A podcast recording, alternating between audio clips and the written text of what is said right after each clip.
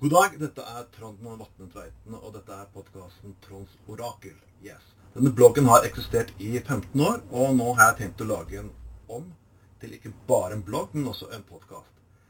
Litt ideen til det fikk jeg eh, Vel, jeg fikk ideen når jeg ble kastet ut fra blogg.no og måtte betale for å få bloggen min opp på Wordpress.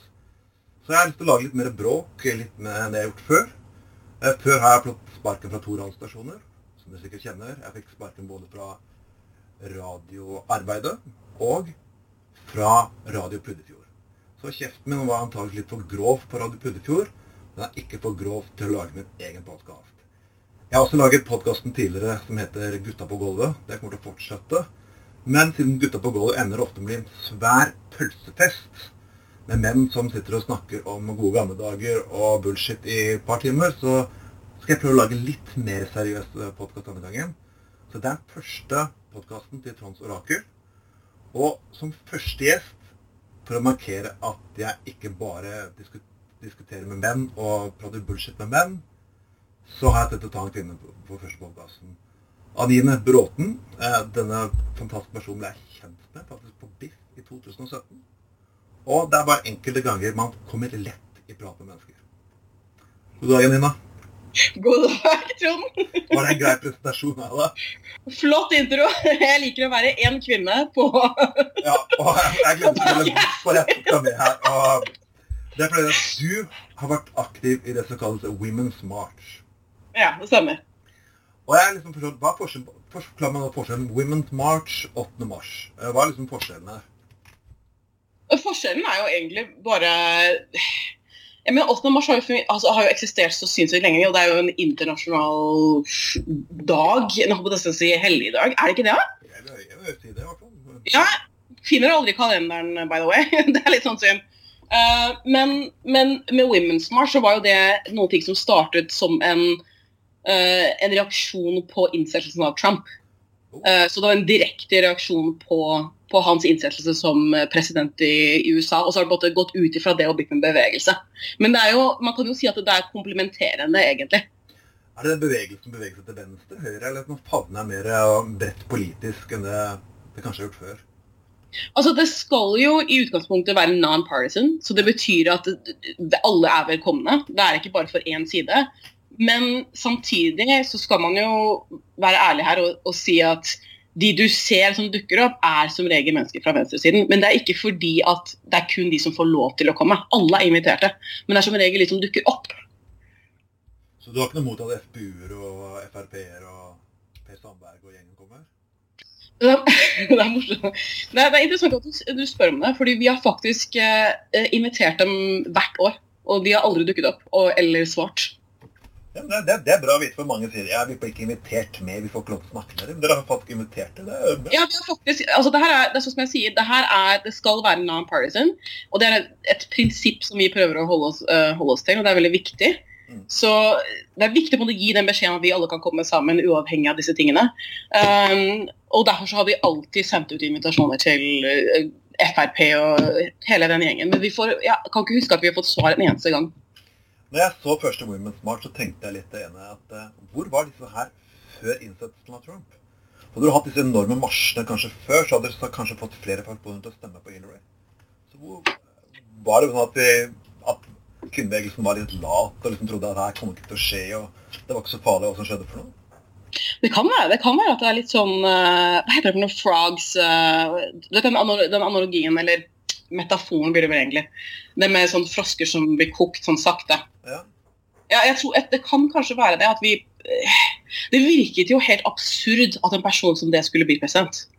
Jeg, jeg tror virkelig ikke at det er noe ting som folk virkelig forsto at faktisk kunne skje før, rett før, eller kanskje da det skjedde.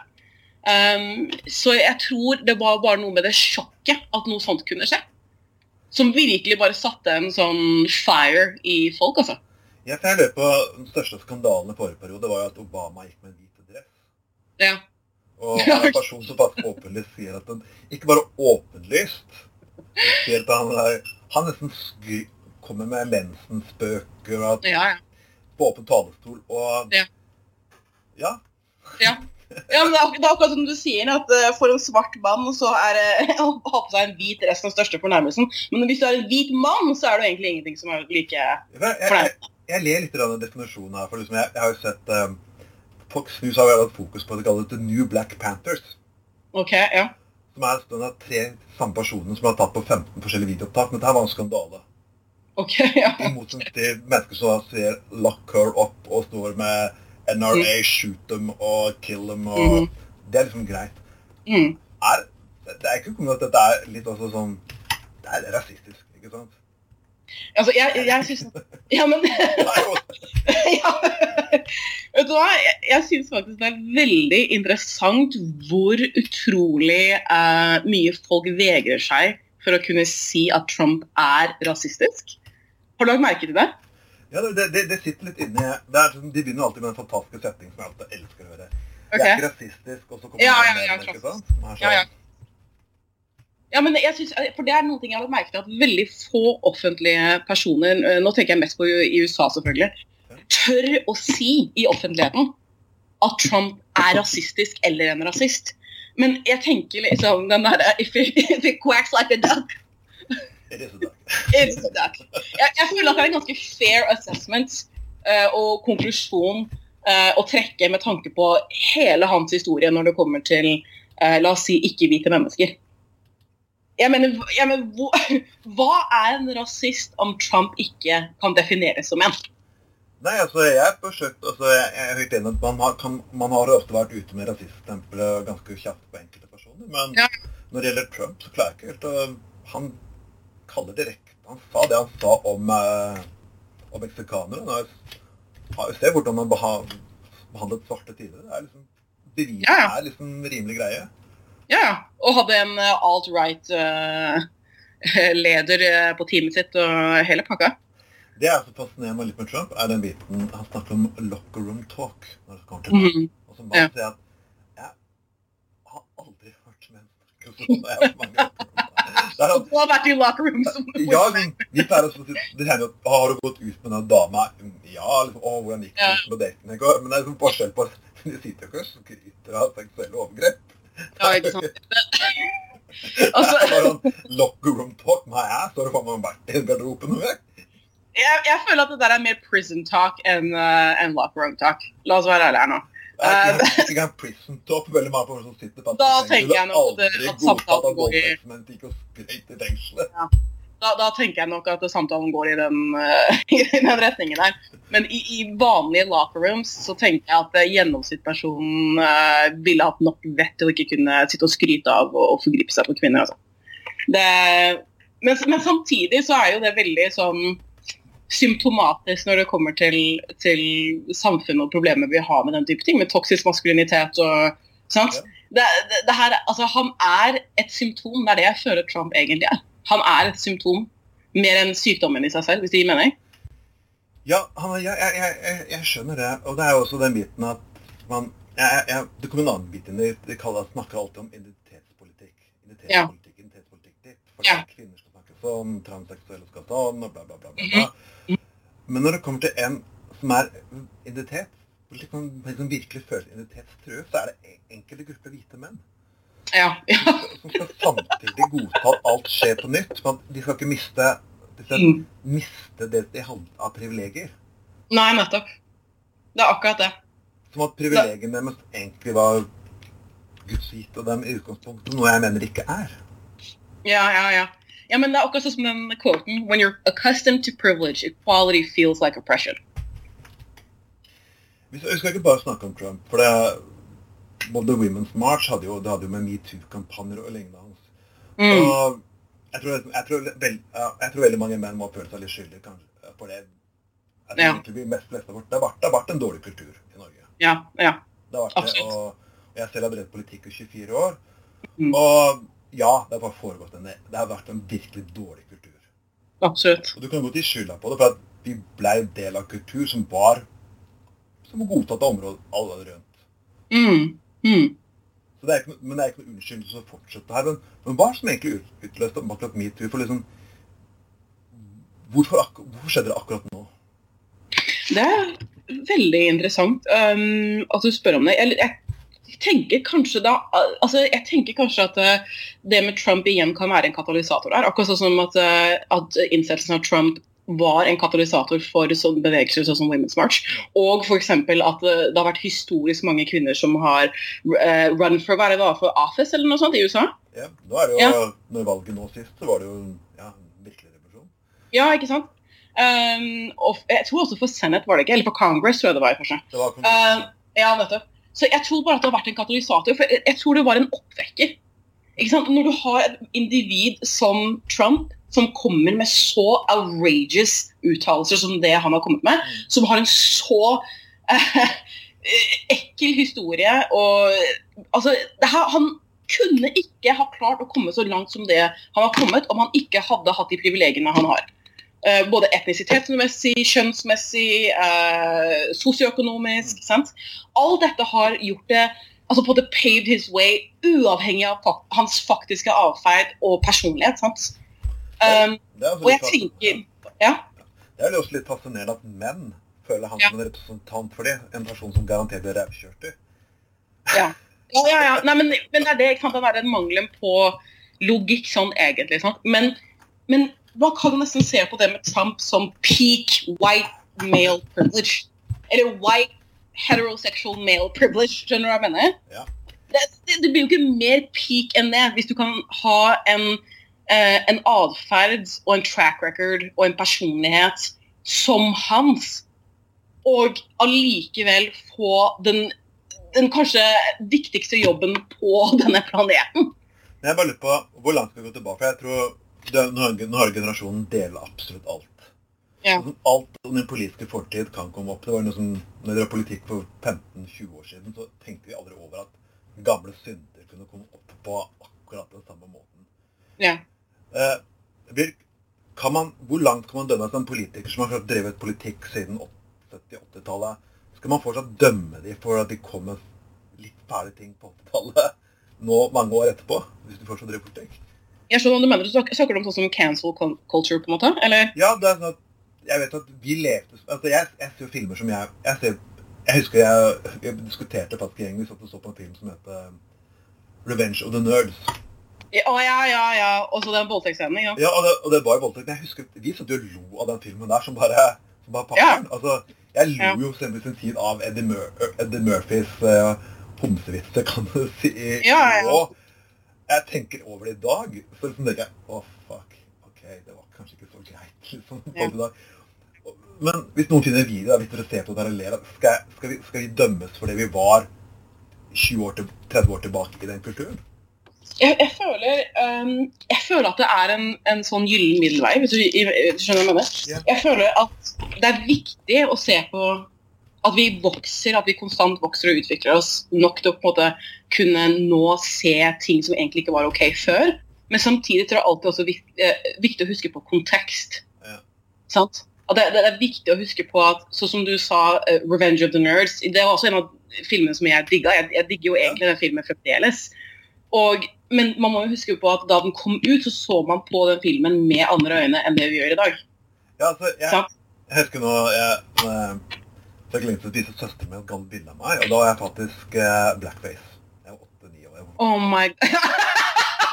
Du var, du var åtte-ni år gammel? Jo, ja, og, jeg, og det var litt moro. For jeg, jeg kommer fra en veldig liberal familie i et ganske liberalt nabolag. selvfølgelig. Ja. Det var et veldig hvitt nabolag. Jeg så ikke ja, ja. mennesker før jeg var ni år gammel. Ja, Men jeg så tenkte, så, jeg, så tenkte liksom, hva faen egentlig skjedde for noe her. Min mor husker jeg, hun, hun gjorde dette her. altså hun, var så impon, hun, var, hun så opp til disse svarte entertainerne. som hennes, Hun mente det som en slags hyllest til alle disse steppdanserne og mm. underholdningsartistene. Ja. Og, og, ingen tenkte over det, for vi, vi, skjønte, vi så det som en hyllest. Selvfølgelig ja. aktuelle level er helt absurd. Ja, selvfølgelig. Jeg ville aldri gjort noe sånt i dag. Jeg tenkte, herregud, hvordan kunne jeg gjøre det? Men vi tenkte på en måte den gangen. Så var det sånn, Vi så ikke den biten. Nei, nettopp. Og det var på 80-tallet? sant? Det her var på 80-tallet, ja. Og ja. Skal jeg, jeg kan ikke akkurat bli sett, skal jeg bli sett med rasistisk At jeg gjorde rasistisk kanskje for 30 år tilbake. Jeg vet ikke helt, men Altså, altså nå, nå, tror jeg ikke du som hadde jeg tror ikke det har vært deg som har vært under lupen her med tanke på at du er barn. Heller, Nei, men, veldig hardt kjempet jeg... og, ja. ja, men med akkurat den situasjonen som du nevner, så tror jeg ikke det er du som har vært under lupen her, for det er ikke du som var voksen. Skjønner du hva jeg mener? Du var et barn. Vi har gjort mange rare ting som barn. Som Jeg, jeg, tenker, jeg tenker min mor også, hvordan hun hvordan jeg hele hele sitt liv kjempet for politiske liberale tanker og ideer. og var Ja, men- mot Frp liksom da tiden kom og lignende. Husk, hun, hun, hun var jo i USA fatt når borgerrettskampen Ja, ja. og hun var veldig skremt og var veldig klart at hun støttet Mm. det og det og lærte noe en disse verdiene. Allikevel så skjer det her. og jeg tenker liksom Og vi, vi bodde i en by der var den byen på 90-tallet så var sånn og da var det mest eksotiske du kunne finne faktisk var en, at det bodde to svensker i nabohuset, kan du si. da. Ja, men... ok. Så ekstremt. Det, det var så Ja, men da skjønner jeg at du var litt isolert, ja. Men Eh, det mest eksotiske dere kunne finne var danske pølser i, i dagligvarebutikken, liksom. Ja, det var Eh. litt røde, røde pølser fra naboen var dansk. Det var, Holy shit. Nei, men, jeg, jeg, skal si det, vet, du vet du hvordan jeg tenker på det? Jeg tenker at nummer én, kontekst er alt. Ja. Eh, det tenker jeg generelt sett. Kontekst er alt. Eh, av all betydning. Det, det virkelig avgjør hvordan Hvis du tar noe ut av kontekst, Ja. så blir det veldig vanskelig å bedømme noen ting. Skjønner du hva jeg mener? Jeg føler ofte at det som skjer litt i dagen og Derfor man Ja. dømmer mennesker på veldig mange Ok, Alle er ikke Bernie Sanders kjempet for homofile rettigheter i 83. Nei, han har vært veldig konsekvent. Har, han, Du kan sitte og si at han er veldig konsekvent, men du kan ikke regne med at mennesker som er noen på 6, som er 76 år gamle, har vært like konsekvent Ja. og vært like forut for sin tid hele tiden. Nei, Obama men, stoppet ikke ut for eh, homofiles rettigheter i begynnelsen, han heller. nei og det, men det, det, det er her det jeg skulle si. Er at kontekst, Nummer én, kontekst er alt. Nummer to, så tenker jeg også at eh, hva det er snakk om, er også viktig. Sant? Fordi visse ting har ikke en eh, håper å si, utløpsdato. Gir det mening? Eh, Det er ikke alt som Det er akkurat som med, med, med kriminalitet. Ikke, ikke alt burde ha en, en eh, Hva heter det? Foreldelsesfrist. Forstår du? Noen ting var ille på 80-tallet, og i dag gir det mening. Så, så det kommer alltid an på hva det er snakk om, og så er det også snakk om kontekst. Men nummer tre, det her er også viktig. La oss si at um, sånn som du sier, et eller annet kommer frem. Eh, la oss si det er en tweet, for det er ofte det som, Ja. som skjer nå her om dagen. La oss si det er en tweet som du skrev for, uh, i 2010. Sant? Ja. Nå, er- er ni år, uh, for ni år siden. Hva du skrev er av betydning, men også hvordan du takler det i dag. Hvordan du ser på det i dag, og har du forandret deg. Sant? Så jeg føler at vi må liksom se på alt helhetlig. Vi kan ikke bare avfeie mennesker og avskrive dem fordi de sa noen ting som kanskje ikke er helt ok for ni år siden. Men så er det igjen hva er det de sa, og hva er holdningen deres i dag, og er de lei seg for det? Jeg, jeg kom med en tweet mange år tilbake. Jeg skal, jeg skal så til. Jeg, litt, jeg, jeg kalte X-byråd for ubrukelig. Ja. Og det, jeg tenkte at jeg skulle jeg skulle ikke ha sagt det. det var, først var det veldig slemt. Hun hadde jo fått veldig mye kritikk og veldig mye annet. Det jeg kalte Ja. ubrukelig. Jeg tenker, det, det, er, det er en tweet jeg gjerne skulle unngå, for det var fall slemt av meg. Jeg var litt, litt for ha kjapp på avtrekkeren. Ja. Jeg, liksom, jeg vet at den tweeten på et eller annet tidspunkt vil dukke opp. Jeg, jeg, jeg har kommet med noen krasse uttalelser av og til. Jeg ble Ja. litt, litt, for, for del år tilbake. Når jeg fant at sosiale medier Nå kan jeg kjøre revolusjonen inn, ikke sant? Mm.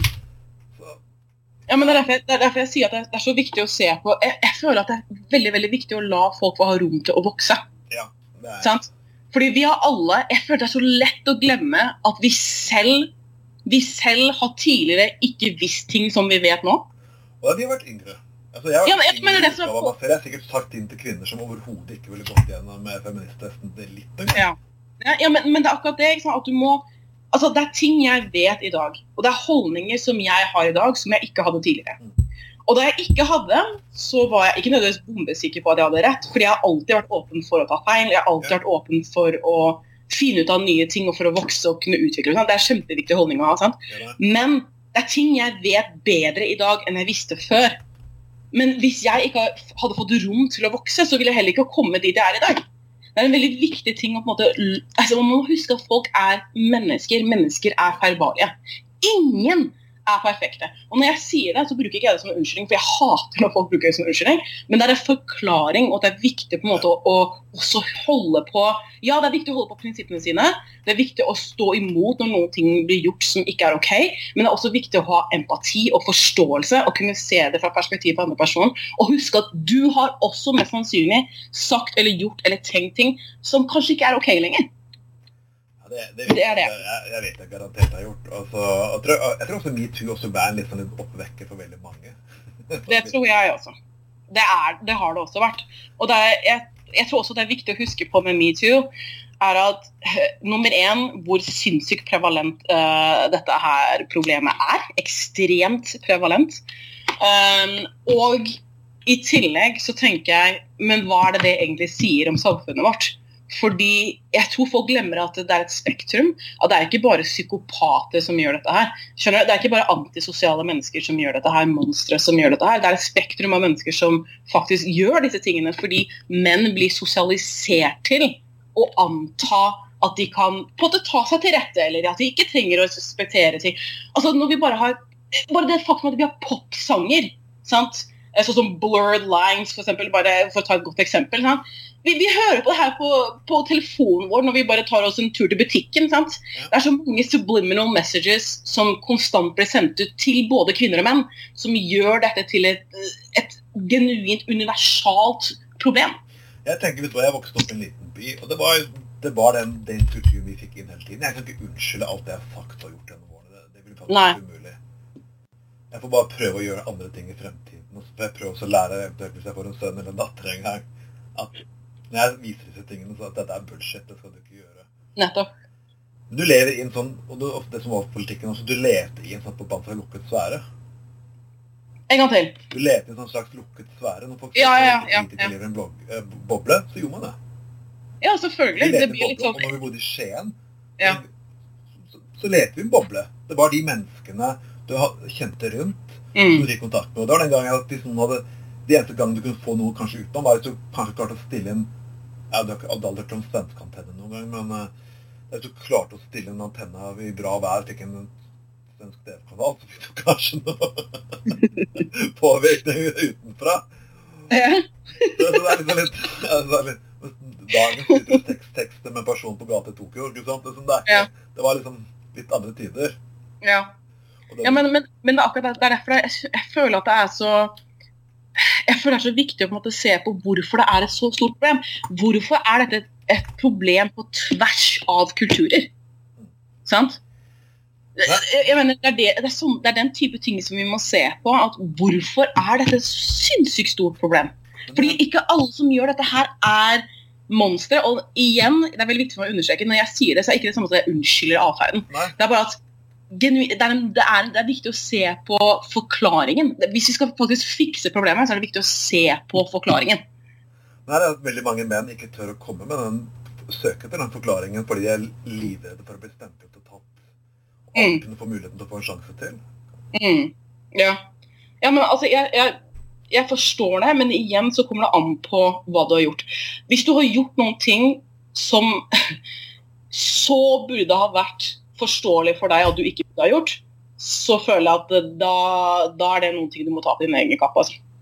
Det, skjønner du? For det er, det er, forskjell på at sånn som du sa, kanskje du har sagt et eller annet som kanskje ikke var helt OK, eller, eller du har det, det, er, jo igjen et spektrum av alvorsgrad, skjønner du? Ja. Det, er jo, det er jo faktisk Du har voldtekt som er på helt uh, På det mest ekstreme, sant?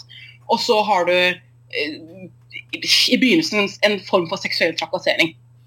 Og det, det, jeg føler at det, Hvis det her er noe som er, er, så klart, og du burde ha skjønt det, og du ikke kan unnskylde liksom, det med at du har blitt sosialisert til det ene eller andre, så er det noen ting man må bare ta på sin egen kappe. og så må man, you know, det, Du må ta konsekvenser. Som et voksen menneske. Alle mennesker må ta konsekvenser for handlingene sine. ikke sant? Jeg var kommet inn på den største saken Norge ble Trond Giske. Og eh, litt på grunn av at veldig mange lurer på Trond Giske, at det, det, hans opptreden var ikke akkurat noe ukjent. Å, det var ikke det? Eh, nei, vi, vi, vi, vi allerede på 90-tallet så gikk jo han under navnet Knullegiske. Wow, det visste jeg ikke. Så, er det sant? Jeg lurer på at den dag, det er, for, det er for veldig mange som lurer på at eh, hvis du sier ja, ok, jeg skal få ta konsekvensen av det jeg har sagt og Ja, ja, ja. gjort. Ja. Men hvorfor faen ingen reagerte på Trond Giske? kan, kan noen faktisk forklare meg hvorfor kom plutselig alle media i flokk? De samme mediepersonene som har sittet og eh, Jeg skal si akkurat samme person, men de samme redaksjonene som har sittet med på fest og på nachspiel med den fyren her i årevis Ja. og alt mulig. Hvorfor må dere en metoo, eh, internasjonalt fenomen til, for at han skal bli stilt til ansvar? Det- Vet du hva Vet du Jeg hater å si det, men jeg føler at metoo fungerer som et press, gir det mening? Det er akkurat som en slags sånn Det har noe med image å gjøre, føler jeg også. Men nå, nå snakker jeg om sånne store institusjoner som faktisk gidder å gjøre noe. Fordi metoo kan virkelig bring down en hel institution. sant? Det kan virkelig ta folk som har mye makt. Altså, Metoo er noe av det mest powerful vi har sett på lenge når det kommer til den type ting. Altså, du ser på menneskene som faktisk nå blir brought down. Som har vært basically men umulig å røre i faen meg tiår, sant? Som nå, nå endelig faktisk får konsekvenser for handlingene eh, sine. Så det er et annet med metoo som gjør Jeg tror det har bare gjort folk redde for at de skal eh, bli tatt til å ikke gjøre det rette. Forstår du? Det det er den frykten for konsekvenser. Fordi det, det, en, det å vite at det er konsekvenser for handlingene, vil definitivt gi deg et helt annet insentiv enn at du bare skal gjøre det rette. Forstår du hva jeg mener med det? Jeg skjønner det. Ja, Det er det jeg tenker. Og jeg hater å si det, for det er kynisk. sant? Vi har jo lyst til å sitte her og tenke at men alle, alle mennesker gjør det her nå fordi at uh, de er så gode. sant? Men hvor var de før metoo? Det er for det jeg tror på. Uh, Ja, vi, det, og jeg sier ikke det her for å unnskylde ting som jeg har sagt og, Nei. og lignende jeg bare lurer på, for jeg, jeg, jeg føler at det her går igjen i media. Man, man må ha en hashtag og et navn rundt være en kjendis for at folk Ja. faktisk tar ting på alvor. ja. ja, men det er akkurat det. det, jeg- så jeg, så jeg, jeg har vært litt redd for å stille spørsmålet også av den grunn for å si at ok, Trond, forsvarer du disse menneskene? Forsvarer du dine, tar du ikke avstand fra dine egne handlinger likevel? Eh, og, og, og ting du har sagt i fortiden. Men jeg vil bare ha det problemet at hvordan kan ting som går altså, Jeg husker, husker Torsdagsklubben som gikk på TV 2 i sin tid. Ja, jeg husker det. De Mm. fleipet den her åpent litt i 2003-2004, tror jeg. Så det var Mm. ingenting var en hemmelighet. Gjorde de det? Yes. Så det her er litt sånn Litt sånn Weinstein-aktig, da?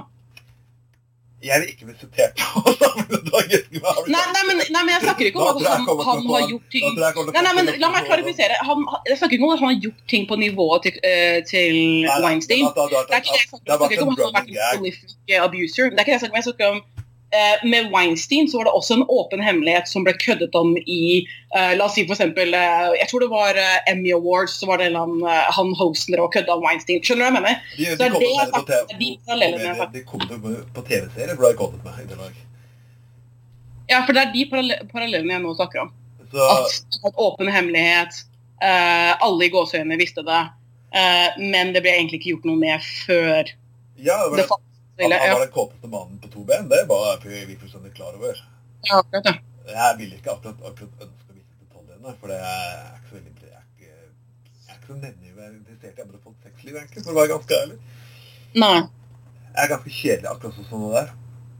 Nei, eh, altså folks sexliv eh, har egentlig ingen noe med å gjøre så lenge det det, eh, det har noe med Så lenge det er mennesker som er voksne og villige som er som er involverte, så spiller det egentlig ikke noen rolle. Men med en gang vi snakker om mennesker som ikke er voksne, og med en gang vi snakker om mennesker som ikke er villige, da blir det alle sitt problem. Det var tilfellet. Jeg leser bøker med kanskje et annet nå enn jeg kanskje gjorde for mine 20 år. Jeg, har akkurat sett, Før vi begynte å snakke sammen, så har jeg akkurat lest uh, en- snart ferdig med biografien til Mick Jagger. Å ja, ja. Og den er jo Jeg husker at den skikkelig sånn småsladrete, litt sånn britisk undertone av forfatteren til Philip Norman. Og, og, og hadde jeg kanskje lest den i begynnelsen av 20-årene, så hadde jeg kanskje ledd litt. Enn det okay. Ok. enn det jeg faktisk gjør nå, for det er eh, Jesus. ok. ja, hva er det du ville frem til?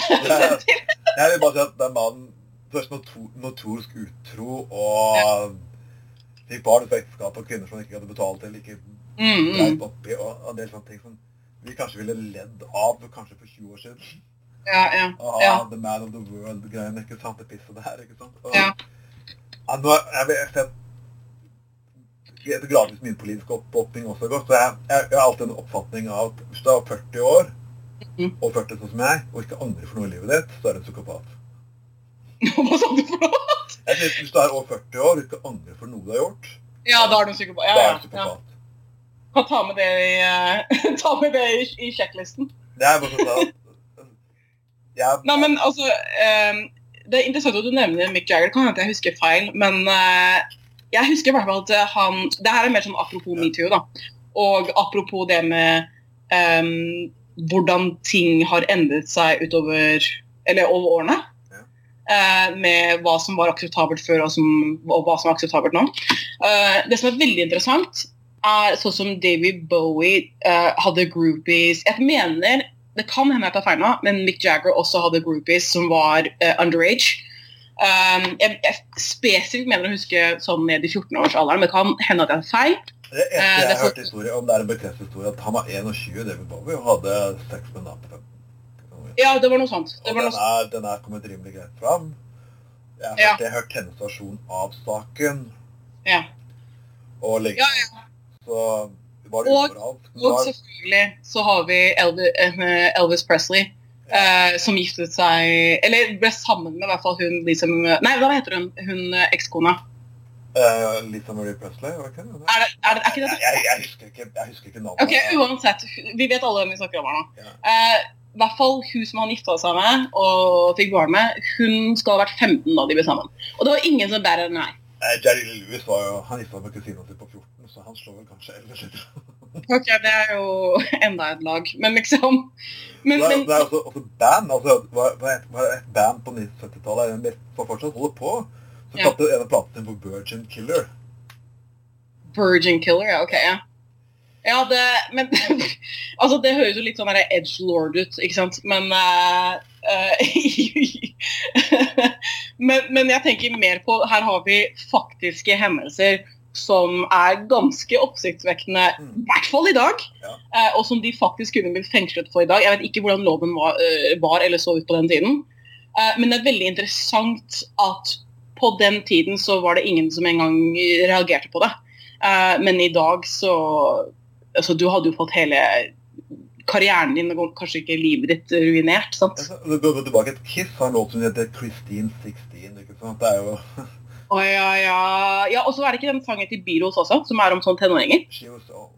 uh, she was just 17, you know what I mean. Ja, Ja, ja, ja. ja, ja. ja der har vi det. uh, og du kan jo tenke gå så langt tilbake til og med Woody Allen i filmen Man, tror Var det Manhattan den het? Jeg, jeg skal, Da, da er han nærmere 40 og, og har forhold til en 16-17-åring. Og det er i filmen. Altså, ja, men, men, men sånn som med, med Boreana, så har jo hans eh, Hva skal vi si Den type filmer vært ganske tro til hans virkelige Hva skal vi si eh, Preferanser.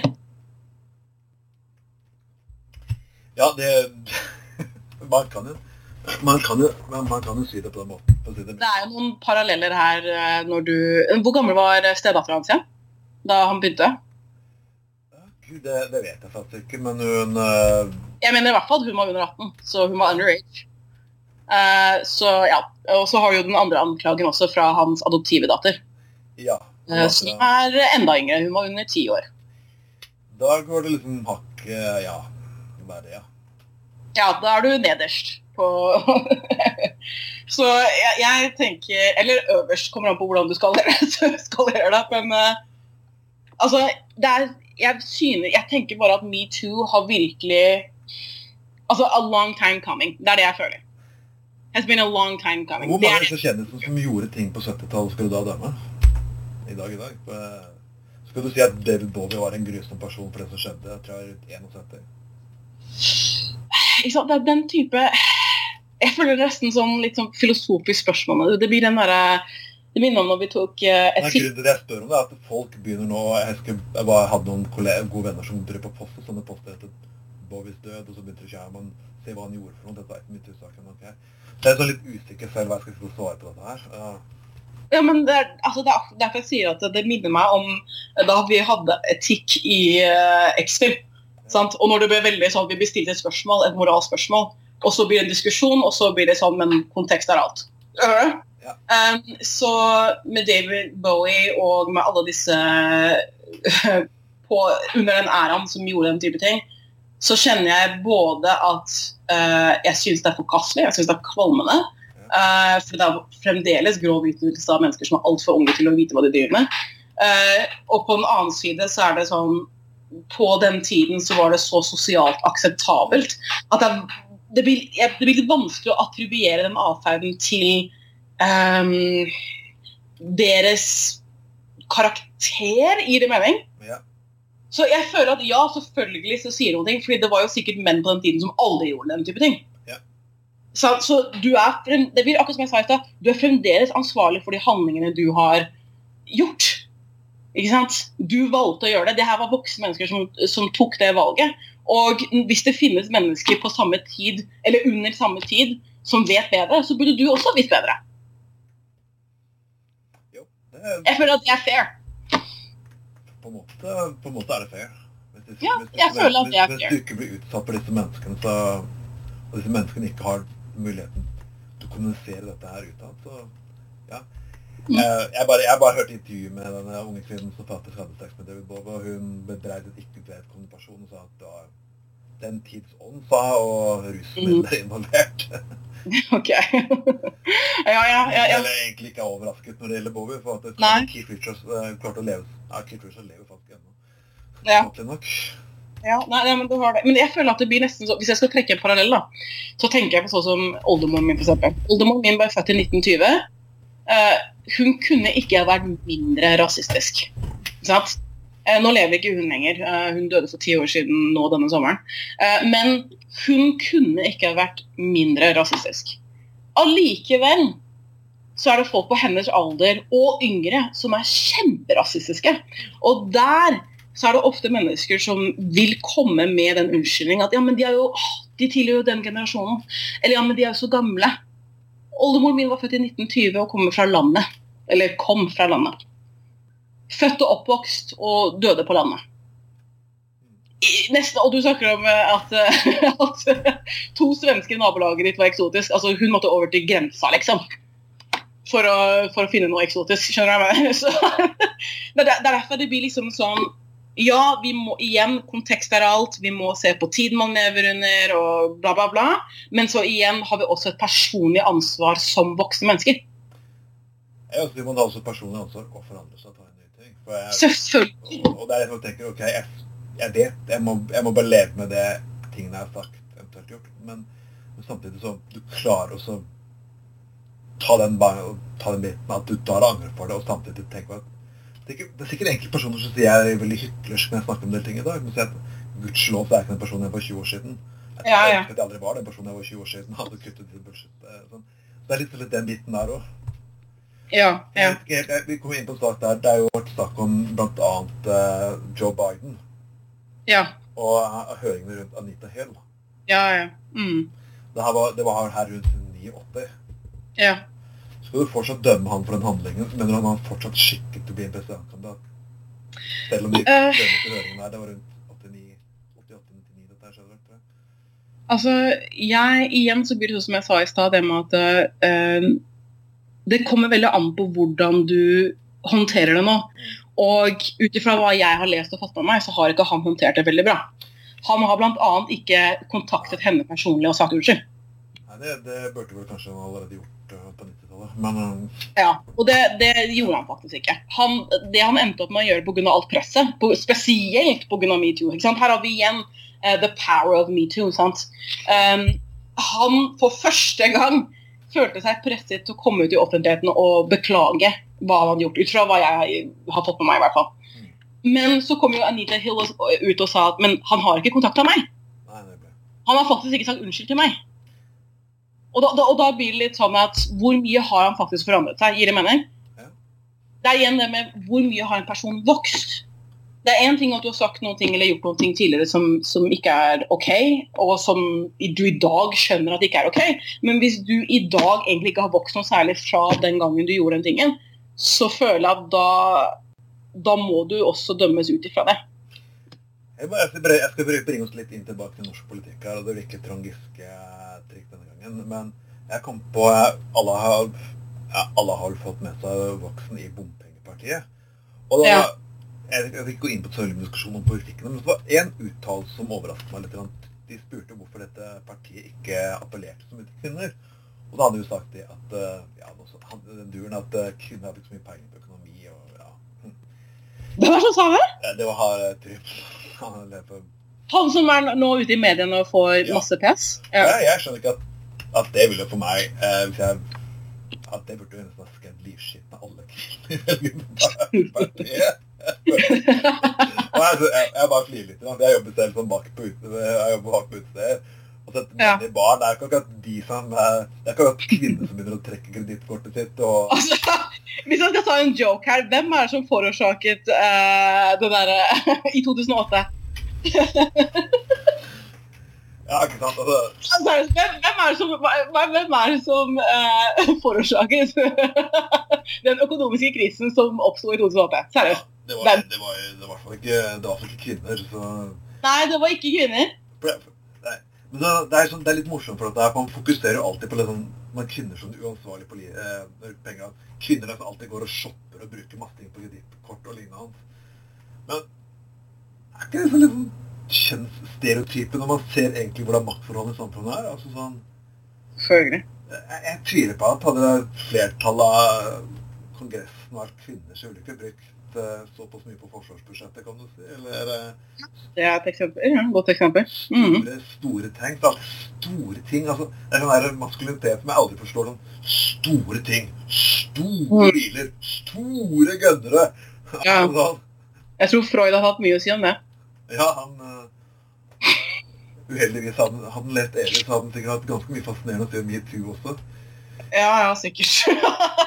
men, men um, altså Det er jo altså Nummer én så kan jeg si at jeg synes at det er veldig Jeg har tenkt på det faktisk flere ganger. Um, fordi jeg ser det overalt. Hvor sinnssykt uh, akseptert sexisme er. Det er så Jeg mener, i teorien så er det jo ikke det. sant?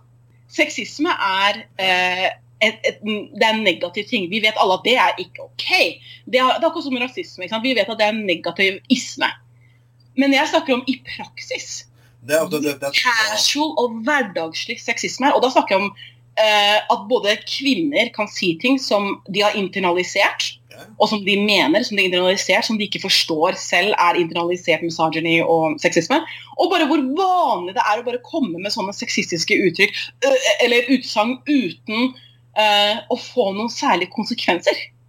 Har ikke noen sagt et rom fullt av kvinner, men det er ikke sikkert noen hadde sagt noe. Nei, nemlig. Det er det tror jeg ofte det er, det er hvorfor det har sturet og gått så lenge som det har gjort. Ja. Ja. Og hvorfor en del av veldig mange av oss tenker tilbake på fortiden og tenker Fuck, hva som egentlig skjedde for noe? Ja. Ok, det var ikke riktig på en tidspunkt, men hvorfor? Ikke sant? Ja. Nei, men, men er derfor jeg, sy jeg synes det er kjempeinteressant. Det var en, eh, en podcast som jeg huska, eller som jeg hørte på eh, for ikke så lenge siden. Jeg kan sende deg om jeg finner den. Eh, men jeg synes det var kjempeinteressant, fordi han tok opp hvordan f.eks. Homof eh, homofobi. Hvordan det har nå eh, i de siste årene blitt mye bedre. Så eh, homofobiske holdninger har på en måte gått ned. Nå begynner det å gå opp igjen, ut ifra hva jeg har fått med meg i det siste. Men ha, han sa at det er folk som liker å ta eh, trekke paralleller mellom la oss si for homofobi og misogyny. Og, og de tenker at eh, å ja, grunnlaget til at eh, det har vært en så stor nedgang i homofobiske holdninger, har vært fordi at nei, men vi, vi er jo så eksponerte nå. Vi er så eksponerte for dem. Vi skjønner at de er eh, helt normale mennesker. Eh, du kjenner noen, ikke sant, bla, bla, bla. Og så sa den personen, vet du hva, det traff meg så jævlig da den personen sa det. Eh, de sa et eller annet med at men det kan ikke nødvendigvis være årsaken. fordi hvis det hadde vært tilfellet, så hadde ikke misogyny vært så utbredt. Fordi alle har jo en mor, en søster. Skjønner du hva jeg mener? Ja. Og det slo meg så jævlig. Det slo meg så jævlig at misogyny og sexisme er så utbredt, så vanlig og så prevalent i samfunnet generelt og på tvers av kulturer. Og det er det til tross for at vi alle har en mor. Til tross for at vi alle har familiemedlemmer som er kvinner. Til tross for at over 50 av, befolkningen er kvinner. Ja, men det er men det er jeg har sett veldig mange politikere bruke den. Du sa ja, men jeg har også en søster, jeg har også en mor. Og, Ikke sant? Mhm. og jeg har også begynt å tenke litt over det greiene der. Altså, og jeg kommer fra en familie med ganske sterke kvinner, men til og med ja, ja. Jeg, jeg, jeg prøver ikke å sitte der det er sånn moralsk overhode i min egen podkast. Jeg, jeg, vil, bare på Jeg vil prøve å komme faktisk til kjernen. Men, Ja, men sy Syns ikke du at det er interessant, Trond? jo, jeg, å det- tenke jeg, på jeg synes det er kjempeinteressant. Jeg tror jeg, jeg har sittet flere netter og tenkt faktisk veldig hardt på her. Og, Ikke sant? og brukt, brukt mye tid og, og krefter på det. Ja. Og, og det har vært også en debatt mellom mannlige venner som jeg også har hatt, at de sitter og tenker liksom OK, shit, ok, de, de tingene som vi, de festene som var i 2003-2004, Mm. hvis noen hadde oppført seg sånn som i dag, nei, det har blitt akseptert litt, og det er, og mange som sier ja, kanskje det er, det er jo bra når vi tenker over det, her burde være, og da har jeg sett, ok, fint, nydelig, menn har den samtalen, og det skjer faktisk noe Mm. uten at de gjør det her for å imponere kvinner. Det, og det syns jeg faktisk er en positiv ting. Jeg vet det er fortsatt lang vei, men jeg tror faktisk det er faktisk å skje debatt mellom menn også, som jeg også synes Ja. er positivt. Ja, det er kjempeviktig. Det, har vært, det er utrolig viktig. Jeg mener med, med alle um, Når det kommer til alle sånne frigjøringskamper og? Du, du kommer Vi kan ikke komme videre eller ha noe progresjon om, som, om ikke de som sitter med makten, faktisk blir med. Sant? Det, det, det er jo bare sånn det er. det er et annet tema jeg kom til å tenke på her, eh, når det kommer til det, og det er altså det med sex og seksuelle overgrep. Og hvordan er det at når det gjelder Jeg, jeg kom til å sitte og se på når jeg så på, Gud og sånn derre uh, En motorsykkelserie, jeg husker ikke navnet på den her nå. Åh, Gud. Jeg beklager, jeg, jeg, jeg glemmer faktisk navnet Det er, Ja, det går bra. med Vi kan alle ha sånne øyeblikk, ja. Ja, men eh, i hvert fall i min egen podcast er det litt pinlig. men det, men det er litt hvordan seksuelt overgrep mot menn blir sånn derre sånn spøk. Å, ja, ja, Og det var en ja. NRK-serie som hadde det nå, eh, så jeg. Det er altså å tenke tilbake på TV-serier, så kommer jeg tilbake på, på TV-serier og filmer som jeg så på så på sin tid, som så, så, så, sånn hø, hø. Mot kvinner så er det ganske alvorlig, Mm. men når det skjer noe mot menn, så er det sånn, menn er liksom sånn dominerende, kan bli kjent med de, så er det sånn, skal vi bare sitte og le av det. Mm. Er ikke det altså, er ikke det sånn liten Jeg, jeg synes ikke det er en liten ting. Og det var en sak på en NRK-serie som kom faktisk i år. Ja.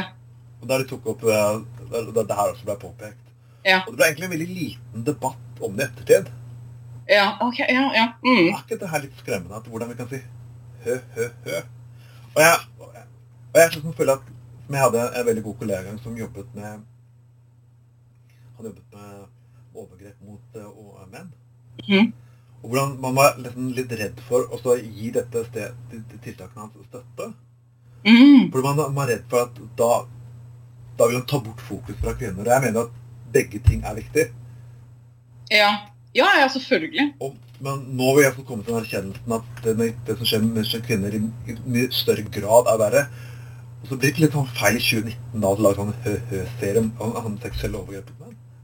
Ja, vet du hva? Eh, Det, det er veldig interessant at du nevner det. Jeg, skal, jeg har flere ting jeg har lyst til å sende deg. Jeg kan sende deg en Ja. video som tok opp det temaet, faktisk.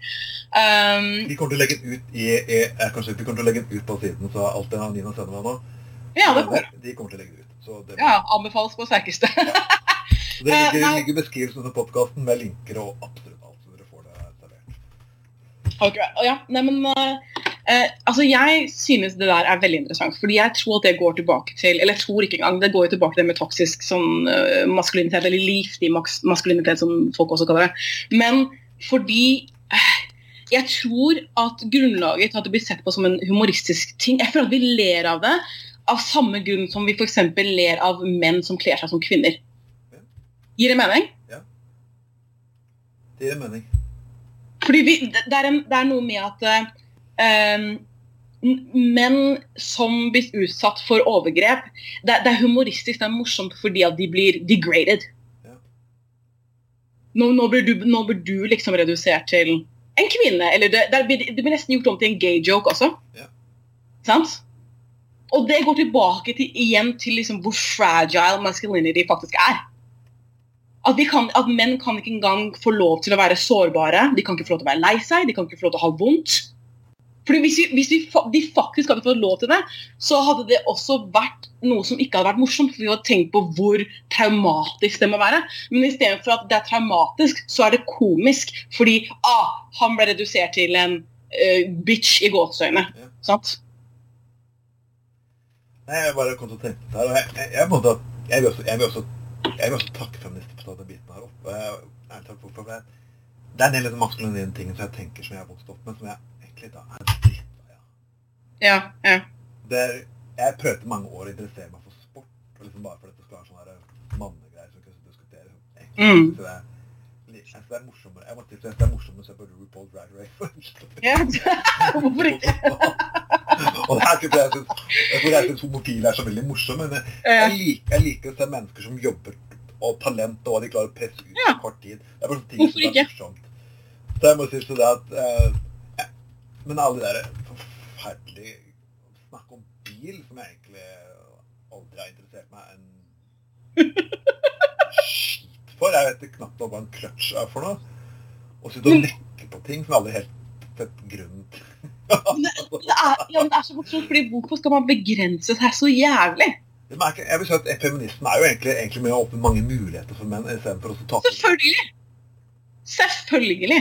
Det handler jo om eh, denne, denne, altså likestilling mellom kjønnene sosialt, økonomisk, politisk. sant? Mm.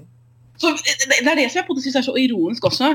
Når menn på en måte er så imot feminismen, for de har ikke satt seg inn i hva det egentlig er. For de tror at det betyr at nå skal kvinner begynne å behandle menn slik menn har behandlet kvinner. Det er frykten for at de skal bli undertrykt. Men blir det ikke litt sånn feil når enkelte filmer til noen som skal si at de er veldig feministiske? Jeg ser altså, så- jeg har sett det, jeg, jeg elsket det veldig godt i Buffy the Vampire Slayer. Ja. Det er liksom, Hver bidige gang de har en utrolig sterk kvinne, så må det være en eller annen dum mann der. Så bare, så, så, så, jeg vet ikke, så, så, sånn, ok, må det sånn, ja, må det liksom, er, er det sånn at jeg greit skal gjøre oppgjør, men, men blir det ikke litt sånn, blir ikke det liksom at, at jo litt forsterkende holdning, at det var alt egentlig, men, jeg... Ja, men vet du hva? Jeg føler også at det må være rom for Igjen, kontekst er alt. Ja. ok? Og jeg, jeg føler også at det må være rom for uh, Fordi Buffy the Vampire Slave akkurat drama. Det er jo mer sånn komi-tenårings... sant? Så det har en helt annen ting vi snakker om. Jeg har alle DVD-ene i hylla. Ja, Hvis vi begynner å snakke om sånn eh, film hvor alle menn er idioter, og det ikke, det ikke er noe poeng i det, og det ikke er satire, liksom. Men jeg tenker liksom Kontekst er alt. Men, men vet du hva, en ting som jeg har tenkt på, Trond, uh, som på det er litt sånn apropos det du sa nå eh, Jeg har tenkt så mye, for jeg, jeg tenkte ikke på det før, fordi jeg tenkte ikke på det, punktum. Og det er sånn som Uh, Jeg har venner for eksempel, som uh, har forskjellige disabilities. Uh, jeg har mange venner nå som er LGBT. sant? Ja. Og det som jeg begynte å tenke på i det siste, for jeg tenkte ikke det på før, sant? det er at når de kommer med jokes, eller de uttrykker i frustrasjon eller sinne, eller at de bare er så lei Å, ikke sant, en eller annen Å, heterofile! ikke sant? Eller åh, able people, eller whatever de kaller det. ikke sant? Og det, er det som er så morsomt, jeg blir aldri offended. Jeg blir aldri offended. Jeg tar meg aldri nær av det. Jeg tenker aldri at de mener meg. Jeg tenker aldri at å herregud, nå er, de, nå er de akkurat like ille som de som gjør ting mot dem. Men av en eller annen grunn så er det, en, altså er det haugevis av menn som reagerer med sinne hvis en jente for har sagt 'å, menn'. ikke sant? Ja. Eller eh, hvite folk som hadde bare reagert med sinne hvis en, en person som er svart, eller whatever, hadde sagt 'å, hvite folk'. Og jeg tenker bare Hvorfor det? Hvorfor det? Hvorfor kan ikke eh, disse menneskene ha den samme forståelsen som det jeg har når jeg hører eh, mennesker som tilhører marginaliserte grupper, som jeg ikke tilhører, uttrykke frustrasjon overfor de som på en måte sitter over det, eller som er mer privilegerte? Hvorfor kan ikke de ha samme forståelse som det jeg har for at det er uttrykk for frustrasjon? Det er ikke et angrep på alle og enhver som tilhører denne privileg- privilegerte gruppen. Nei, det er jo et spørsmål. Jeg eh, jeg, jeg, jeg klarte faktisk for noen eh, jeg klarte faktisk for noen, for noen, for, for noen uker siden å bli kalt rasist mot hvite. Jeg tror jeg aldri har opplevd å bli kalt rasist.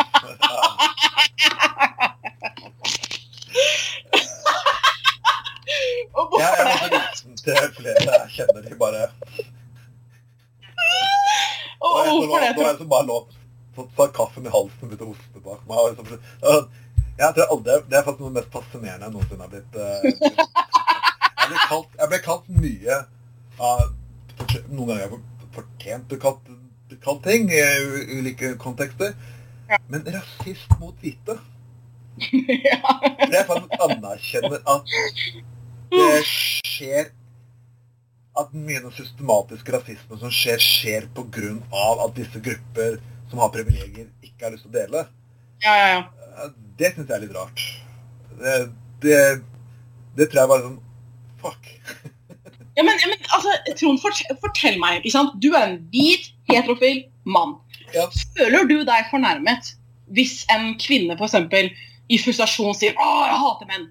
Eller, eller hvis en ikke-hvit person sier 'Å, jeg hater hvite mennesker'? Nei, jeg Tar du det virkelig bokstavelig? Tar du det Etter å ha jobbet i vekteryrket faktisk over tolv år, så har jeg fått noen sånne aha-opplevelser når jeg ser folk Ja. på fylla. Så er det bare Å, fuck. OK. Ja. Ja. Jeg skjønner fuckings irritasjonen faktisk nå. Og det er sånn Folk, folk kan si ja, ja, kvinner gjør sånn og sånn. Ja, grunnen til at jeg husker når jeg er ute, de kvinnene som For jeg, har- jeg har opplevd faktisk at menn har bedt meg faktisk å fjerne kvinner. Og det er faktisk, det er faktisk opplevd. Det, nei, det er ikke det er faktisk ikke tull. Det er grunnen til at jeg husker opplevelsen, at de er så jævla få. Ja. De er så jævla få. Ja. Det er sånn, altså, 90 av tilfellene er, er snakk om menn. Ja, men- men- 10% er snakk om det motsatte. Så liksom, derfor vet jeg, altså, jeg tar ikke som fornærmelse, men jeg har jo selvfølgelig gjennom yrkeslivet sett en del ting, og, og lært meg å tenke en del ting. Mhm. Så er kanskje ikke tenkt, så hadde du spurt meg det samme spørsmål for 25 år siden, ikke, kanskje jeg hadde reagert annerledes på. Ja, men, men det, er det, det er derfor jeg sier, eller det er derfor jeg spør. Hva er det som gjør at du forstår Du forstår at når det blir sagt, så er det hyperbole. Du Ja. forstår at det er en overdrivelse. Du forstår at det er eh, utslipp for frustrasjon og ikke en bokstavelig ting som faktisk blir ment eller sagt. Det det er en, ja. Og at det ikke er det samme. Det kan ikke sidestilles med en hvit person som sier 'jeg hater svarte mennesker'. Nei, Eller- det er det er Eller en, mann som sier 'jeg hater kvinner'. Altså, liksom. Jeg, jeg, jeg kan svare på det jeg kommer med to eksempler. Det, Ja. det, det ene er den berømte tegneserien der folk spør Who wants change? Og alle rekker opp hånda. Who wants to change? Og ingen rekker opp hånda. ikke sant? Ja, ja, ja, ja. ja. Mhm. Og så er det at ingen mennesker gir fra seg Det er en del mennesker som tenker sånn Ingen mennesker gir fra seg makt og status frivillig. Og det, det er over i all politikken. Du kan det finnes det, ikke det er sånn, De er livredde for at ting som som hele livet deres har vært bortkastet. Og at, at de, de må nå føle skyld for hele livet sitt og lignende. Det, det er der det ligger. Jeg, jeg, jeg godtar ikke, men jeg vet ikke helt hvordan jeg skal angripe ta sånne mennesker. ta for meg sånne mennesker, for jeg, jeg må prøve å forklare at det er faktisk en mulighet her, det er fantastiske muligheter her for dere. Mm. Og det er faktisk mulig å gå videre og tilstå deg feil, og så likevel kunne le, gå hodet hevet inn i en ny tid. Mm. Det er veldig vanskelig å forklare det med disse menneskene. Ja. Jeg har opplevd mennesker som har kommet dit, og jeg er sånn, som er helt andre mennesker i dag. Jeg er sånn, husker det vi, ja, sånn, ja. Ok, nå skal jeg bare få prøve å gjøre ting annerledes. Mm. Og nå skal jeg gjøre ting annerledes. Men det er en vanskelig, det er en utrolig vanskelig steg å komme til, kanskje, for veldig mange mennesker. ja, fordi jeg, jeg tenkte ikke engang å, altså Det her viser jo hvor lite jeg reagerte på det. Jeg tenkte ikke engang over at jeg aldri ble fornærma. Når, når folk eh, sånn som jeg sa, som tilhørte marginaliserte grupper som jeg ikke tilhører, ga uttrykk for deres frustrasjon. Altså, Jeg pleide å le med dem. Eller jeg, jeg skjønner. Jeg hadde fullstendig forståelse. Fullstendig forståelse for frustrasjonen deres. Jeg hadde fullstendig forståelse for deres uh, perspektiv, og jeg kunne empatisere. Sant? Det var det som var greit. jeg, jeg vet hva de mener når det blir sagt. Og at det har en helt annen konnotasjon enn om det, det motsatte skulle bli sagt av den andre gruppen som faktisk er øverst, eller som har disse privilegiene. Det er, det er en helt annen kontekst. Det er det som er greia. Det er en helt, helt annen kontekst. Og jeg måtte faktisk, tro det eller ei, Trond, jeg måtte også lære det her. Fordi du vet jo, jeg er halvt eh, svart og jeg er halvt hvit. Jeg ble født uh, og oppvokst i, altså, i Oslo uh, av min hvite norske mor. Sant? Så på én side så har jeg også hatt veldig mange hva skal man si, gåsehud hvite, hvite holdninger. Eller, eh, eller en hvit forståelse av ting. Gir det mening når jeg sier det? Ja, altså Ja, det gjør faktisk det. Jeg forteller, Ja. Så det er også Ja. skyld at Oslo versus andre byer på Østlandet er ganske forskjellig. Ja, ja. Men, men, men når jeg sier hvit i gåseøyne, Ja. så mener jeg at mitt perspektiv, fordi jeg vokste opp i et hvitt hjem, Mm. kunne være veldig formet og preget av min hvite families syn på ting. Ja. Så det er det jeg mener når jeg sier det. Um, og uh, en av de tingene som jeg eksempel måtte lære fordi Jeg husker at jeg pleide å reagere sterkt. Jeg pleide å reagere sterkt på liksom Altså, jeg var virkelig Jeg, jeg blir faktisk flau når jeg sier det. altså. Så det at jeg faktisk nå sier det på din podcast, er jo Men Men eh, dette her er eh, Legg deg ned på divanen nå og så sitte og fortelle. Se på klokken. Altså, det her er noe jeg syns er så flaut. Jeg blir jeg virkelig gremmes eh, av min egen uvitenhet. Ja. Men? Igjen, det var uvitenhet. Det var mangel på uh, den kunnskapen jeg trengte til å faktisk forstå kontekst. Um, og det var at jeg husker før så pleide jeg, jeg pleide å være en av de som for eksempel, la oss si uh, Hvis det var en standup-komiker som var eh, afroamerikansk, som lagde masse jokes om hvite folk. sant? Um, selv om jeg kunne le av bobla, så var jeg sånn Ja, men hvorfor kan ikke hvite folk gjøre det, da? Ikke sant? Ja. Skjønner du hvorfor jeg syns det er flaut? Det er jo debatten om det berømte N-ordet, ikke sant? Vi snakker Ja, ok, Den har aldri vært ok. Den, jeg forstår den. Eller la meg prøve å huske om jeg tenkte Nei, vet du hva. Jeg vil ikke gå så langt som å si at jeg tenkte det. Men, men det for meg nå er så flaut å tenke på at jeg tenkte. Men samtidig så er det ikke flaut, fordi jeg forstår jo hva Ok, jeg må putte meg selv i kontekst. mm. Hvor gammel jeg var, erfaringen Ja. min, kunnskapen jeg bar på. ikke sant? Hvem som informerte meg, bla, bla, bla. Så det er det jeg mener, da hadde jeg et, et hvitt perspektiv i gåseøynene. Ja. Men så lærte jeg jo mer. Jeg forsto mer, og det blir akkurat som puslespill. ikke sant? Du får et mer og mer helhetlig bilde, og da forstår du ting bedre. Mm. Og så ble det som en nei, for det kan ikke sidestilles. Det kan ikke sidestilles, fordi utgangspunktet er ikke det samme. Det er ikke samme utgangspunkt. Dermed så har ikke disse ordene den samme type konnotasjon. Det har ikke samme type konsekvens. Det har ikke samme historisk bakgrunn. Sant? Sånn som du vet eh, med komikere, det med punch up jokes og punch down jokes. Sant? Vi kan ikke sidestille altså Alt kan ikke likestilles. Alt kan ikke likestilles fordi vi er ikke likestilte i samfunnet. Jeg tror veldig mange jeg, jeg, jeg, jeg har gjort veldig mye sånn soul-searching de siste ti årene. Snakk om 30-40-årskrise, men allikevel. Ja. Uh, for det første Ja. og, det, og det ene av tingene jeg gjorde, var at jeg begynte å høre på en del hiphop en gang til.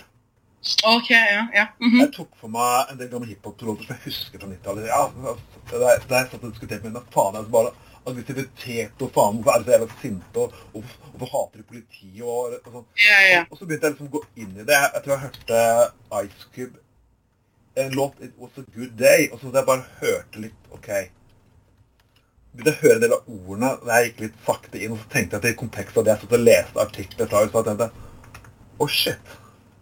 Mhm. Det var, det var Jeg hørte også tror jeg, så Notorious BIG, altså en låt som heter Ja. Juicy. Jeg tror han het uh, ja. Noe av det samme. Jeg bare Jeg husker hvordan jeg tenkte på det. tenkte, ok, Kanskje jeg skal høre på det nå i liksom Trond over 40, liksom, med Ja. det jeg vet, og så se om jeg kanskje tenker det samme. Og tenkte jeg Fuck. Ok. Mhm. Nå Mhm. skjønner jeg kanskje den lille desperate kampen. Ok, nå skjønner jeg den, den redselen for å bli skutt hver jævlig dag. Mm. Og ha Mm. null fuckings hvorfor, du ikke, hvorfor du ser opp til gangstere når du Mm. egentlig burde se opp til helt andre ting. Mhm. Ok, ok. Jeg, jeg- jeg forstår det. Jeg begynner sånn Ok, fuck. De tingene jeg tenkte for, på 20 år siden om dette her, Mm. er bare tatt ut av ja, en hvit sammenheng med kun Mm. mennesker rundt meg. Kun Nettopp. hvit måte å se det på. Og kun sett at litt, litt mer det perspektivet veldig mange personer som jeg har sett Ja, men der er USA. Mm. Snakker Ja, men det er akkurat de det, perspektivet alt. De skal bo i Norge, de skal ikke klage. Mm. Ja, men det er akkurat sånn som du sier nå, at perspektiv har så, Ja. så, så mye å si. Eh, og det er veldig lett å dømme andre når du ikke kan se ting fra deres side. Eller du ikke har, det er sånn som de sier på engelsk, sånn, du ikke har walked in their shoes. Det Um, er pinlig da, hvert fall for vi som sånn opptrådte som liberale. Ikke er sosialliberale, er venstre, vi var de mest liberale som var. Åpne på alt. Yay! Edgy som faen. Og så, Ja. egentlig, og så egentlig så var vi en jævla gjeng mange av oss. Nei, men altså, jeg kan, jeg kan også håper å si expand on det jeg sa med eh, ting som jeg har lært over årene. Ja. Eh, og igjen, det her er også noe som jeg syns er skikkelig flaut å, å måtte si og, og innrømme, liksom. Men, men samtidig så er det en del av utviklingen. Og det er at jeg igjen, under samme tid hvor jeg hadde den type holdning, det, dette hvite perspektivet, så hadde jeg også dette hvite perspektivet av at i likhet med deg, at jeg på en måte forsto meg ikke på det enorme sinnet som afroamerikanerne bar på. Eh, jeg visste jo selvfølgelig om historien, men jeg var den der klassiske eh, Jeg føler at jeg kunne bare vært sånn Texas mom, white mom, og bare Ja, men eh, slaveriet er jo over! Segregeringen er jo over! Um, fordi jeg var veldig sånn Ja, men det er fortiden, og ting er ikke sånn nå lenger. Uh, de, den generasjonen som er nå, har ikke opplevd dette her. Um, og veldig sånn Ja, men jeg skjønner at det er ille, jeg forstår at det er mye rasisme, men det hjelper ikke å fight fire with fire. Um, skjønner du hva jeg mener? At jeg var veldig, jeg var veldig sånn At jeg følte, og det gjør meg trist å si det, men jeg følte virkelig at da ble de en del av problemet. Og det tok å få mer informasjon, og faktisk å komme hit til Bergen og oppleve så mye rasisme som jeg har opplevd her, for å virkelig, virkelig, virkelig forstå. Forstå hvor alt dette kommer fra. Og hvor berettiget det faktisk er. Jeg husker den er litt, Jeg var skulle egentlig stille avspørsmål, men jeg kom på deg, en historie min mor fortalte meg en gang. for Hun var på 60-tallet i USA. Mhm. for Hun bestefar var kaptein. Mhm. Hun så disse politiet som slo løs på svarte mennesker. og Å, Mhm. herregud, det her kan aldri skjedd i Norge. sånn at bestefar sa, vet du hva? Putt en gjeng svarte i Norge, så det kommer til å skje akkurat på samme måte. Ja. Folk er, bare, bare, bare vent den dagen folk kommer til å flytte til Norge. Hvis det skjer, Mhm. du får akkurat det samme. Mm. Jeg har tenkt på det, jeg har tenkt på den historien så mange ganger gjennom årene. Ja. Damn.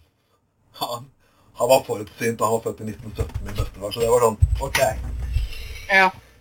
Sånn, du- avslutt, men eh, rasisme i Bergen, vil du si det er mer rasisme i Bergen enn i, eh, enn i Oslo?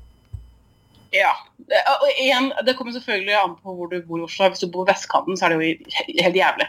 Eh, der er det veldig veldig ille, for det er så, det er så sinnssykt homogent der. Um, og det er veldig mye ikke sant? Du, ikke sant? Eh, Racism og classism holder jo hender. Sant? Um, og det er jo som regel middelklasse og øvre middelklasse og upper middle ikke sant? Eh, Og uh, upper class som bor på uh, vestkanten. Så der er det mye mindre toleranse for annerledeshet. Uh, på absolutt alle nivåer, tror jeg. Men på østkanten, ja, der er det veldig lite overt racism. Sant? Um, covert er noe annet. Mikroaggresjoner og sant, den type ting. Ja, det opplever du. Uh, men det er sånn som du sa tidligere uh, i stad. Uh, da du sa det med at du hadde levd en boble. Jeg levde en boble fordi jeg var født og oppvokst i Oslo. Og jeg tok den boblen og så generaliserte jeg det til å gjelde alle storbyer i Norge. Jeg visste at det var ille på landet, og jeg hadde hørt om alt det skitet der. og bla, bla, bla, Men jeg tenkte vet du hva, Bergen er et uh, mini-Oslo. Um, Jeg hadde jo studert uh, i Tromsø også, og der var det ja, det var ignoranse der, men det var definitivt ikke noe Jeg opplevde ikke en, en eneste form for malicious ignorance. Skjønner du hva jeg mener? Det er mer velment ignorance, men ikke malicious. Du mener at Tromsø-folk er mindre rasistiske enn bergensere? Jeg bodde der i ett og et halvt år, og jeg opplevde ikke rasistiske angrep. Jeg opplevde ignoranse, men ikke rasistiske angrep. Her i Bergen ja, eh, Jeg kan, for- eh, jeg kan eh, fortelle deg, Trond, jeg har aldri i mitt liv støtt på så mye rasisme som jeg har opplevd her i Bergen. Altså, Det er så ille her, og jeg er sjokkert. Det tok den boblen som jeg levde i, og bare det, altså Den sprakk på en, den mest brutale måten. Det var en stor, stor oppvekker for meg. Um, og bli utsatt for så mye rasisme som da jeg kom hit. Og jeg, det, jeg jeg, jeg, samfunnslag? Eh, eh, hva mener du? Ja, er det, sånn, er det visse klasser, klasser av samfunnet som er verre enn andre? Eller er det... Er et veldig godt spørsmål. Jeg tror faktisk ikke Jeg kan se for meg at det er bare eh, jo høyere opp du kommer sosioøkonomisk. Eh, fordi jeg, eh, sånn som jeg bor i et nabolag som er eh, gentrified, eh, og her er jeg utsatt for ekstremt mye trakassering. Jeg har aldri blitt utsatt for my så mye trakassering før. Eh, og det er av sånne eldre middelklasse, som regel faktisk hvite kvinner, eh, som trakasserer meg. Eh, det er veldig likt sånn som i USA, den trenden med alle disse kvinner, hvite kvinner som driver og ringer politiet fordi at en svart person puster. Um, så hvis det hadde vært, vært kultur for å ringe politiet for sånne ting her, så hadde jeg definitivt fått eh, politiet på meg 50 000 ganger. for å si det sånn. Men, men for å si det sånn, så er det sjokkerende at det er eh, At rasismen er faktisk helt ned til barneskolen, ut ifra hva jeg har fått høre. Eh, så å kunne si at det bare er generational, nei, det er det ikke. Eh, det er sikkert verre jo eldre de er, det er sikkert verre jo mer penger de har. Eh, men i Bergen så er det ille generelt sett. Det er ganske ille. Jeg har aldri vært borti noe så ille som det. Og jeg tror jeg snakket før, Trond, det med at jeg føler meg nesten som om jeg er undercover fordi at jeg er halvt norsk. Mm. Eh, og en rasist tenker jo sikkert ikke på det, kanskje de ikke ser det engang. sant? Um, for dem så er jeg bare uh, noe annet, og jeg er automatisk en utlending. Um, så for meg så føles det ut som om jeg er undercover fordi jeg får oppleve ting uh, som jeg ikke ville opplevd hadde jeg sett ut som mora mi. Um, og det er ille her, altså, Trond. Det er skikkelig, skikkelig, skikkelig ille her. Er disgusting. det er så kvalmende. Og det, det snakkes ikke om heller. Uh, eller i hvert fall veldig lite om. Um, og jeg tror at det er en av grunnene til at vi i Norge kan sitte her og klappe oss selv på skuldrene. Og bare Å, men å, det er så ille i USA, men sånn er det jo ikke i Norge. Og selvfølgelig er vi ikke på nivået eh, som det ligger på i USA, hvor folk faktisk blir drept. Mister livet sitt bare for å være, ha feil hudfarge. Men her så er det ille. Mener du at alle partiene i Bergen sviktet? De må jo ha gjort det sånn egentlig. Jeg har ikke tenkt på det før du sa det nå, men Jeg vet, Altså, du har jo faktisk ganske, har har, ganske store profiler på venstresiden her i Bergen. uh, som er ganske klare. Men jeg føler at du sier veldig mye til meg som ikke jeg har tenkt over. Det det viser at jeg fortsatt lever delvis i en, i en hvit boble, kan du si. Ja, men selvfølgelig. Fordi hvis, hvis du går forbi ikke sant? Det her er det som Jeg er vet at det eksisterer rasisme her, og jeg vet at Ja, det er ja. konservativ by. Det er oppsorget. Og, men jeg, for min del, så jeg kommet fra Skien, så alt mer liberalt når du har bodd i Skien. Ja, ja, men, men det har jeg også fått høre fra, fra folk som, som har kommet hit som kommer fra mindre steder. Men, men, men det er jo sånn som ikke sant? Jeg husker da du fortalte meg den historien med broren din. Da han hadde fått seg en tan, Ja. og så plutselig var han utsatt for rasistiske sant? Ting som han ikke ville blitt utsatt for tidligere. Eh, fordi folk eh, mistok ham for eh, Eller feiltok ham for å, å være en utlending. Um, og da fikk han plutselig se en side han ikke ville fått sett ellers. Sant? Um, og det er det som er privilege. At hvis du og jeg Hvis du hadde gått forbi disse menneskene som har uh, kalt meg stygge ting og til og med angrepet hunden min Hvis det var du som hadde gått forbi dem først, så hadde ikke du opplevd de tingene som jeg opplever når jeg går forbi dem. Og det er derfor det er så lett også for folk som, som har visse typer privilege, å kunne si nei, det er jo ikke sant. Jeg har ikke sett det. Ikke sant? Nei, men du har ikke sett det fordi du er ikke deres target. Det er jo det som er greia. Og det er derfor jeg sier at jeg føler meg undercover. For disse menneskene vet ikke at jeg Eller de bryr seg sikkert heller ikke, men de vet ikke at jeg er halvt eh, norsk. De vet ikke at jeg er halvt hvit. De vet ikke at jeg vokste opp eh, i mitt, eh, mitt liksom min norske familie sin side. Sin, jeg, skjønner du? De, de, her vet ikke de. Og hvis jeg hadde hatt samme fenotype som den moren min hadde hatt, så hadde jeg ikke blitt utsatt for det, jeg heller.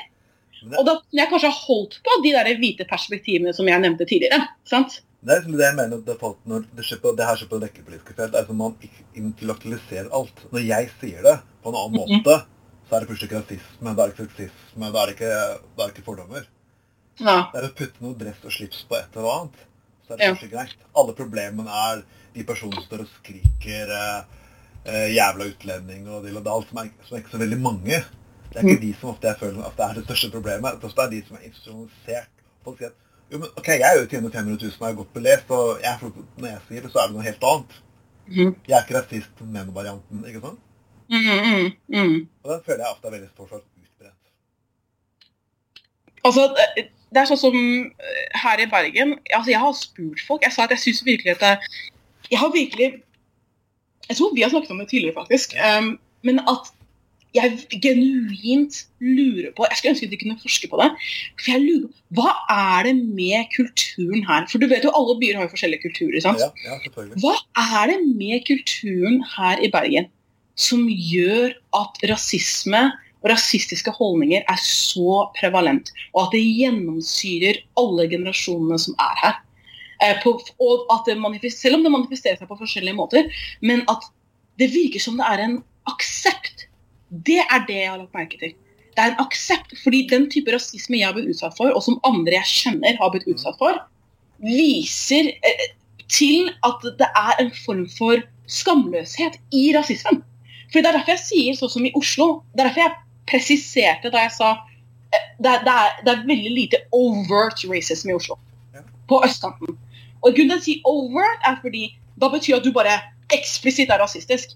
Men det er fordi hvis du er det i Oslo, så er det konsekvenser. Mm. Det, det vil være sosiale konsekvenser, kanskje til og med juridiske konsekvenser. sant? Mm. Men det kommer til å være konsekvenser. Du kan ikke bare sitte her og spy ut rasistiske holdninger eller være rasistisk uten at noen kommer og sjekker jo. Ikke sant? Så der så vil du bli Det, det medfører en form for skam. Sant? Du vet, du vet hvis du er rasistisk at du ikke burde være rasistisk. Som regel. Hvis du er en normal, oppegående person. sant? Det er derfor egentlig mange ganger har fått Carl I. Hagen sine ekstreme budskap noen ganger har hatt større appell utenfor Oslo enn i Oslo. Selvfølgelig. sant? Og det er derfor jeg lurer på- Man snakker om Oslo her ute eh, veldig ofte i mange bøyer, også i min hjemby også, i Skien. Man snakker om Oslo basert på det Carl I. Hagen sitter og sier. Ja, De må ja. på at Karl Hagen ikke har større oppslutning i Oslo på at det er pga. innvandrerne ikke stemmer på. Men da er det sånn Ok. ja, ikke sant? Mm. Ja. Uh, nei, men, men Og det er derfor jeg tenker på hva er det som skjer i Bergen? Hvorfor er du så komfortabel med å være rasistisk? Hvorfor er du så komfortabel med å gi uttrykk for rasismen din på en så eksplisitt måte? Også implisitt, men spesielt eksplisitt. Fordi det er ingen konsekvenser. Det, det viser at her så er det et miljø hvor det ikke blir slått ned på, og det blir ikke slått kraftig ned på. Fordi hvis det hadde vært det, så hadde folk tenkt seg, to, nei, tenkt seg om to ganger før de hadde uttrykt den type ting. Men Men at jeg kan gå tur med bikkja mi i nabolaget mitt, Mm. og faktisk bli angrepet av en eldre kvinne eh, At hun går til angrep på bikkja mi med eh, klorin og ber meg om å dra tilbake dit jeg kommer fra. Og hun ikke sitter her og er redd for noen konsekvenser. Det her er liksom eh, midt på dagen, dagslys, alle kan altså, Da tenker jeg at et eller annet er veldig veldig galt her. Og jeg føler at ikke nok folk snakker om det. Og jeg synes det er utrolig, utrolig trist. Men vi skal snakke om det på Trolls Orakels podkaster framover, for dette her eh, var faktisk et veldig viktig tema som jeg har gått litt meg under, litt under radaren.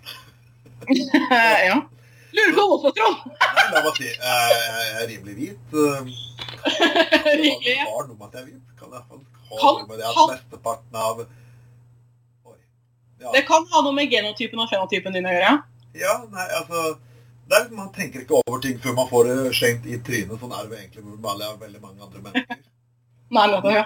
Og jeg vil påpeke alle jeg, på, jeg, vil jo jeg er veldig flink til å påpeke det hos veldig mange andre. Så ja, bare for at de kan se det, så er det der. Ja, kanskje jeg burde Det er ikke være min podkast. Jeg endte opp med å soul-searche meg selv. Det er kanskje jeg som må legge meg på sofaen i neste anledning, så får du stille meg spørsmål, så ikke meg vennene mine. Det, det her var utrolig Det her ble en veldig god podkast, og for alle som lytter til, så ble det jo egentlig mye lenger, men det er selvfølgelig alltid når jeg snakker med fantastiske kvinner, så de mangler ikke, de mangler ikke temaer, og, og vi trenger ikke en saksresultor. På saksresultoren ble jeg egentlig aldri brukt. Det ble bare... Det var ett spørsmål, det var om, om bompengelisten. og Det var det eneste saksresultoren som dukka opp. Alt annet er faktisk improvisert gjennom podkasten her. Og når du klarer å improvisere 80 minutter, skulle vi sikkert improvisert. Luksusprogram. Luksusprogram. Men til slutt, er det noe du vil si til politikerne i Bergen? Eh, blogger, eh, podkaster og lignende hans. Er det noe du vil si til Du skal Jeg vil alltid gi folk gjestene mine siste melding. eh, budskapet til å kjøre løs. Vet du hva, jeg, jeg synes at uh, Det er veldig interessant at du spurte meg det spørsmålet om, om, om uh, politikerne i Bergen egentlig har sviktet da mennesker som ikke er hvite. Og jeg, jeg synes at det, Der bringer du frem et veldig godt poeng. Kanskje det er noen ting de burde gjøre mer. Eller ikke kanskje engang. Jeg tror at de burde ta og Nå tenker jeg på engelsk, tror jeg, men å legge, uh, legge øret til bakken og faktisk lytte til hvordan ting hva som skjer. Faktisk høre på mennesker, snakke med folk, og ikke bare anta at verden er slik som du opplever den alene. Uh, fordi dette problemet som jeg nevnte nå, er et veldig veldig, veldig stort problem, og det må bli gjort noe med. Um, så jeg tenker at det er en av de viktigste tingene å ta tak i. Og selvfølgelig uh, feminisme burde definitivt være, og kvinnesaken burde definitivt bli prioritert mye mye høyere. Og ikke bare for å se bra ut pga. metoo, men på ordentlig. Uh, så det jeg tror jeg at det jeg vil avslutte med, faktisk. Da vil jeg takke for at du kom her på Trond Vatne Tveitens eller Trond Orakels første podkast. Og alle de linkene som Aline nå nevnte i, i, i podkasten, de vil bli lagt ut under podkasten, så alle kan få lov til å lese disse og sjekke dem og, og spre dem. Og spre den podkastene alle skjønner. Da vil jeg iallfall liksom venninnene først, og så vil ja, takke alle lytterne. Ha en fin dag.